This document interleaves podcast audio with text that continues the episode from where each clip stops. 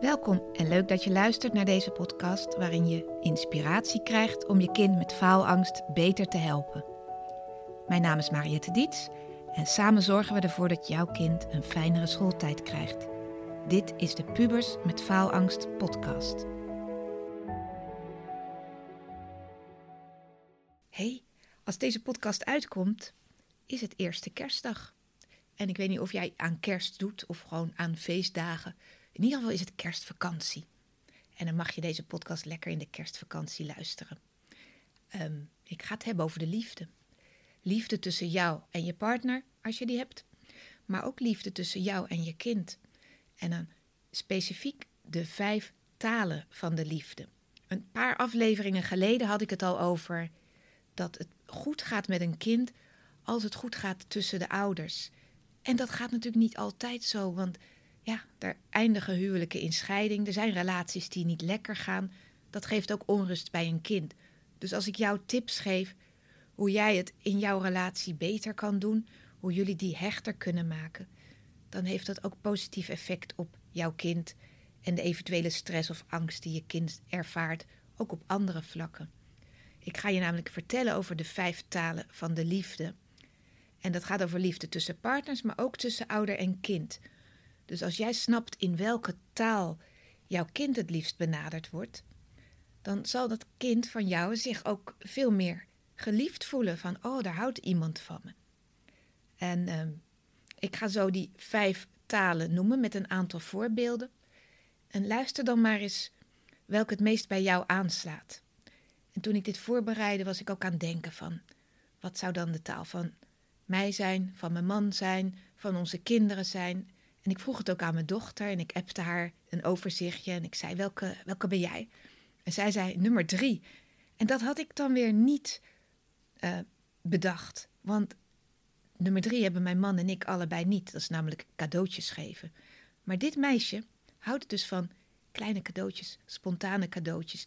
Dat ik iets voor haar meeneem, omdat ik even aan haar denk. Uh, kleine gebaren. En ik vond het wel mooi dat ze dat meteen al antwoordde. Want ja, nu ik dit opneem is het bijna kerst. Ik denk, oeh, ik moet nog even wat kleine dingetjes voor haar scoren. Ik heb dus de neiging om in mijn taal tegen haar te praten. Nou, dat is uh, positieve woorden, dat is complimentjes geven. Um, ook dingen voor een ander doen, een kopje thee brengen. Nou, die valt ook een beetje onder cadeautjes. Maar we hebben allemaal de neiging om vanuit ons eigen perspectief uh, de ander ook zo te behandelen. Maar het is ook, als je zo dit lijstje van mij hoort, goed om te be bemerken wat werkt bij jouw kind goed of wat werkt bij jouw partner goed. Eerst even een overzicht van die vijf talen. De eerste, die noemde ik net al, woorden van bevestiging, complimentjes, uh, mensen met taal aanmoedigen. Dat heb je goed gedaan. Wat knap, je kunt het al beter dan eerst. Wat zie je er leuk uit. Ik hou van je. Um, je bent speciaal voor me. Ik ben trots op je. Wat heb je hard gewerkt. Wat, nou ja, dat allemaal. Positieve woorden. Ben ik super gevoelig voor. Um, als je dan een partner hebt die dat nooit doet, voelt dat heel. Ik moet daar echt om vragen soms. Als een kind moet ik zeuren van. Ah, geef eens een complimentje, want dat vind ik zo fijn. Klinkt raar, maar dan weet mijn man ook weer: oh ja, oh ja, dat heeft zij nodig. Dus ja, lach er samen om. Dat zijn allerlei behoeften die een mens kan hebben. Nou, blijkbaar is dat bij mij er een. De tweede, daar heb ik dan weer veel minder mee. Tijd en aandacht. Dus um, als je die taal als voorkeurstaal hebt, dan uh, wil je graag dat iemand tijd voor je vrijmaakt, aandacht voor je heeft, samen dingen doen. Samen op de bank zitten, samen een spontaan uitje, samen lange, diepe gesprekken met het hele gezin, samen activiteiten doen. Nou, ik heb dat allemaal niet zo. Ik vind het allemaal wel leuk, maar het is niet dat ik dat nodig heb of zo. Dus dat is de tweede taal. De eerste was woorden van, positieve woorden, woorden van bevestiging. De tweede is tijd en aandacht. Dus dat je je tijd aan iemand geeft. De derde, dat is die van mijn dochter. Cadeaus. Cadeaus in de zin van kleine attenties. Ik heb je favoriete snack meegenomen. Um, ik heb iets voor je gemaakt. Of ik zag iets in de winkel en ik moest meteen aan jou denken. Het hoeft niet dure cadeaus te zijn. Mag wel, maar het gaat meer om dat je dus iets fysieks geeft aan iemand en dat je dat met aandacht hebt uitgezocht. Cadeaus. De vierde, daar herken ik mezelf ook wel in en mijn man ook heel erg, dienstbaarheid. Dat is elkaar helpen, uh, ondersteunen bij de dagelijkse taken. Uh, kan ik je ergens mee helpen? Wil je een kopje koffie? Ik ga lekker eten voor je koken. Uh, wil je erover praten? Kan, weet je, gewoon hulp aanbieden. past natuurlijk ook wel bij het beroep wat ik heb gekozen. Maar ik merk bijvoorbeeld, hè, waar ik bijvoorbeeld heel erg om complimentjes, op complimentjes zit te wachten in mijn relatie, komt mijn man met: Ik heb even je autolamp gefixt. Of ik heb even dat en dat op je computer geregeld, dat die backup goed gaat. Dat is ook een manier van liefde uiten. En dat valt dus onder dienstbaarheid. En het is dus ook goed om. Ik wil natuurlijk wel in mijn eigen taal gevuld worden. Maar het is ook goed om me bewust te zijn. Want als hij dat soort dingen doet. Hè, een kopje koffie of dat hij een chocolaatje erbij doet. Omdat hij weet dat ik die pure chocola één keer per dag mag eten van mezelf. Dan is dat ook een gebaar van liefde. En het is dus leuk om dat bij elkaar te herkennen. Nou, als je goed hebt opgelet, heb je er pas vier gehoord. En de vijfde is fysiek contact, fysieke aanraking. En dan heb ik het over een knuffel, een omhelzing, een schouderknopje, knopje, een schouderklopje, een high five, een arm om je heen. iedereen vindt dat wel lekker, natuurlijk in een relatie, fysiek contact, maar sommigen hebben dat echt nodig als bevestiging van, ah, oh, er wordt echt van me gehouden. Dus als ik zo dat rijtje nog een keer opsom, positieve woorden, tijd en aandacht, cadeaus, dienstbaarheid, dus dingen doen voor elkaar, en lichamelijke aanraking. Dan kun je dus al bij jezelf denken. Je mag ook al naar me mailen hierna, vind ik wel leuk om te lezen. Wat, wat is nou de taal waar jij het liefste iets in ontvangt? Ontvang je graag cadeautjes? Doe je graag dingen samen? Uh, ontvang je graag complimentjes, net als ik? Of vind je het fijn als iemand iets voor je doet? Of wil je gewoon lekker veel geknuffeld worden? Vaak is dat ook de taal die je dan naar een ander uitstraalt. Dus ja, ik loop uh, met kopjes thee door het huis naar mijn dochter als ze aan het leren is voor een toets. Um, nu weet ik inmiddels dat ze liever een klein cadeautje krijgt. Dus um, vanaf nu ga ik dat anders aanpakken. Onze zoon, die is meer van het fysiek contact. Niet altijd. Die jongen is 18, dus die gaat niet de hele dag zijn moeder knuffelen. Maar hij is wel degene in huis die opeens zijn armen wijd doet en zegt: Wil je knuffelen? En um, ik sta er natuurlijk altijd wel voor open. Want ik, wanneer krijg je nou de kans om zo'n leuke jonge vent te knuffelen? Maar bijvoorbeeld zijn zus deinst dan weer naar achteren, want die heeft dat juist weer helemaal niet. En hij wil altijd de hele dag tegen iemand aanzitten. Uh, dus boksen geven, high fives. Dus die is wel van het fysieke contact. Herken dat bij je kinderen. Dus wat werkt vooral en waar merk je aan dat ze er heel blij van worden? En dan is het eigenlijk, als je je daar bewust van bent, is het een kleine moeite om daar wat meer van te doen.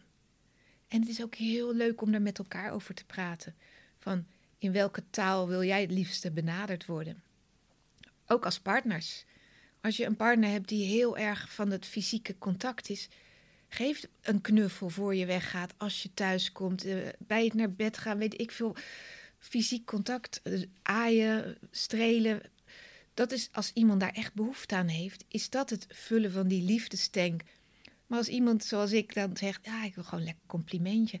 Ik word daar echt zo wee van als mijn man zegt, oh, wat zie je er goed uit. En ook het andersom dus, hè. Ik was naar de kapper geweest vorige week. Als je nu naar de podcast kijkt op YouTube, het is super kort. Nou, niet super, maar een stuk eraf. Hij ziet dat niet echt. En toen hij het zag, zei hij: Oh, we zijn naar de kapper geweest. En toen was het stil. Nou, dan zakt mijn humeur al. Ja, een beetje jaren zestig. Nou, toen ben ik boos naar boven gelopen om nog wat spray in te doen om het weer een beetje op te leuken, want het was blijkbaar ingezakt. Maar dus hoe erg ik zit te wachten op een complimentje, dat werkt dus ook enorm averechts als ik dan zo'n opmerking krijg. Dat is net alsof ik een klein kind ben wat, ja, wat iets tekort komt of zo. Nou ja, daar hebben we natuurlijk ook weer over gepraat. En sindsdien zegt hij nu elke dag: Hé, hey, wat zit je haar leuk. Ja, hij leert het wel. Je moet hem een beetje programmeren, die man van mij. Maar praat er gewoon over met elkaar. En ehm, stel dat, dat die liefde van de ander voor jou voor als een vlammetje. Als een waakvlammetje van binnen. En hoe meer je daar in de juiste taal tegen praat, hoe groter dat vlammetje wordt. Dus hoe meer dat, die liefde weer opbloeit. Daar, dat boek is best wel gedetailleerd over dit soort dingen. Want het gaat ook over relaties waar het slecht gaat. Het is niet zo dat het altijd helemaal dood uitdooft, een vlammetje. Je kan het ook weer laten opvlammen. Maar door daar wel bewust van dit soort dingen te zijn. Van wat kan ik anders doen om het bij mijn partner weer wat uh, op te laten bloeien. En ook dus naar je puber toe. Om een kind zich weer lekker in zijn of haar vel eh, te laten voelen. Ik had van de week ook een post op social media. Dat ging over een meisje in mijn praktijk. Die zei: Ik was zo gestrest. Ik voelde me zo rot.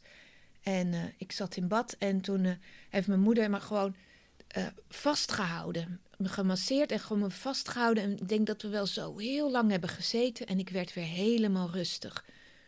En dat vond ik zo mooi. Dat een meisje dat uh, aangaf aan haar moeder. Ik heb behoefte, ik, ik, ik, voel me niet fijn. Maar dat die moeder dus voelde, dit meisje moet gewoon vastgehouden worden. En dat hebben echt niet alle pubers. Misschien heeft jouw puber dat wel helemaal niet. Um, mijn dochter heeft dat ook niet. Die hoeft niet vastgehouden te worden.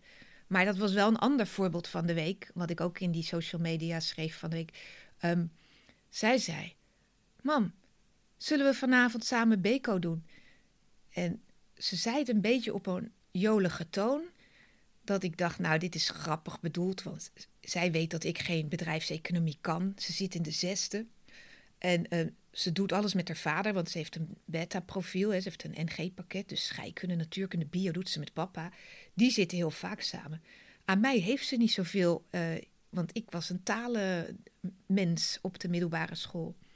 Dus toen zij zei, zullen we vanavond Beko doen? Zei ik, nee joh, en het was eruit voor ik het besefte. En, en ze, ze schrok daarvan of zo. Ze keek echt heel teleurgesteld.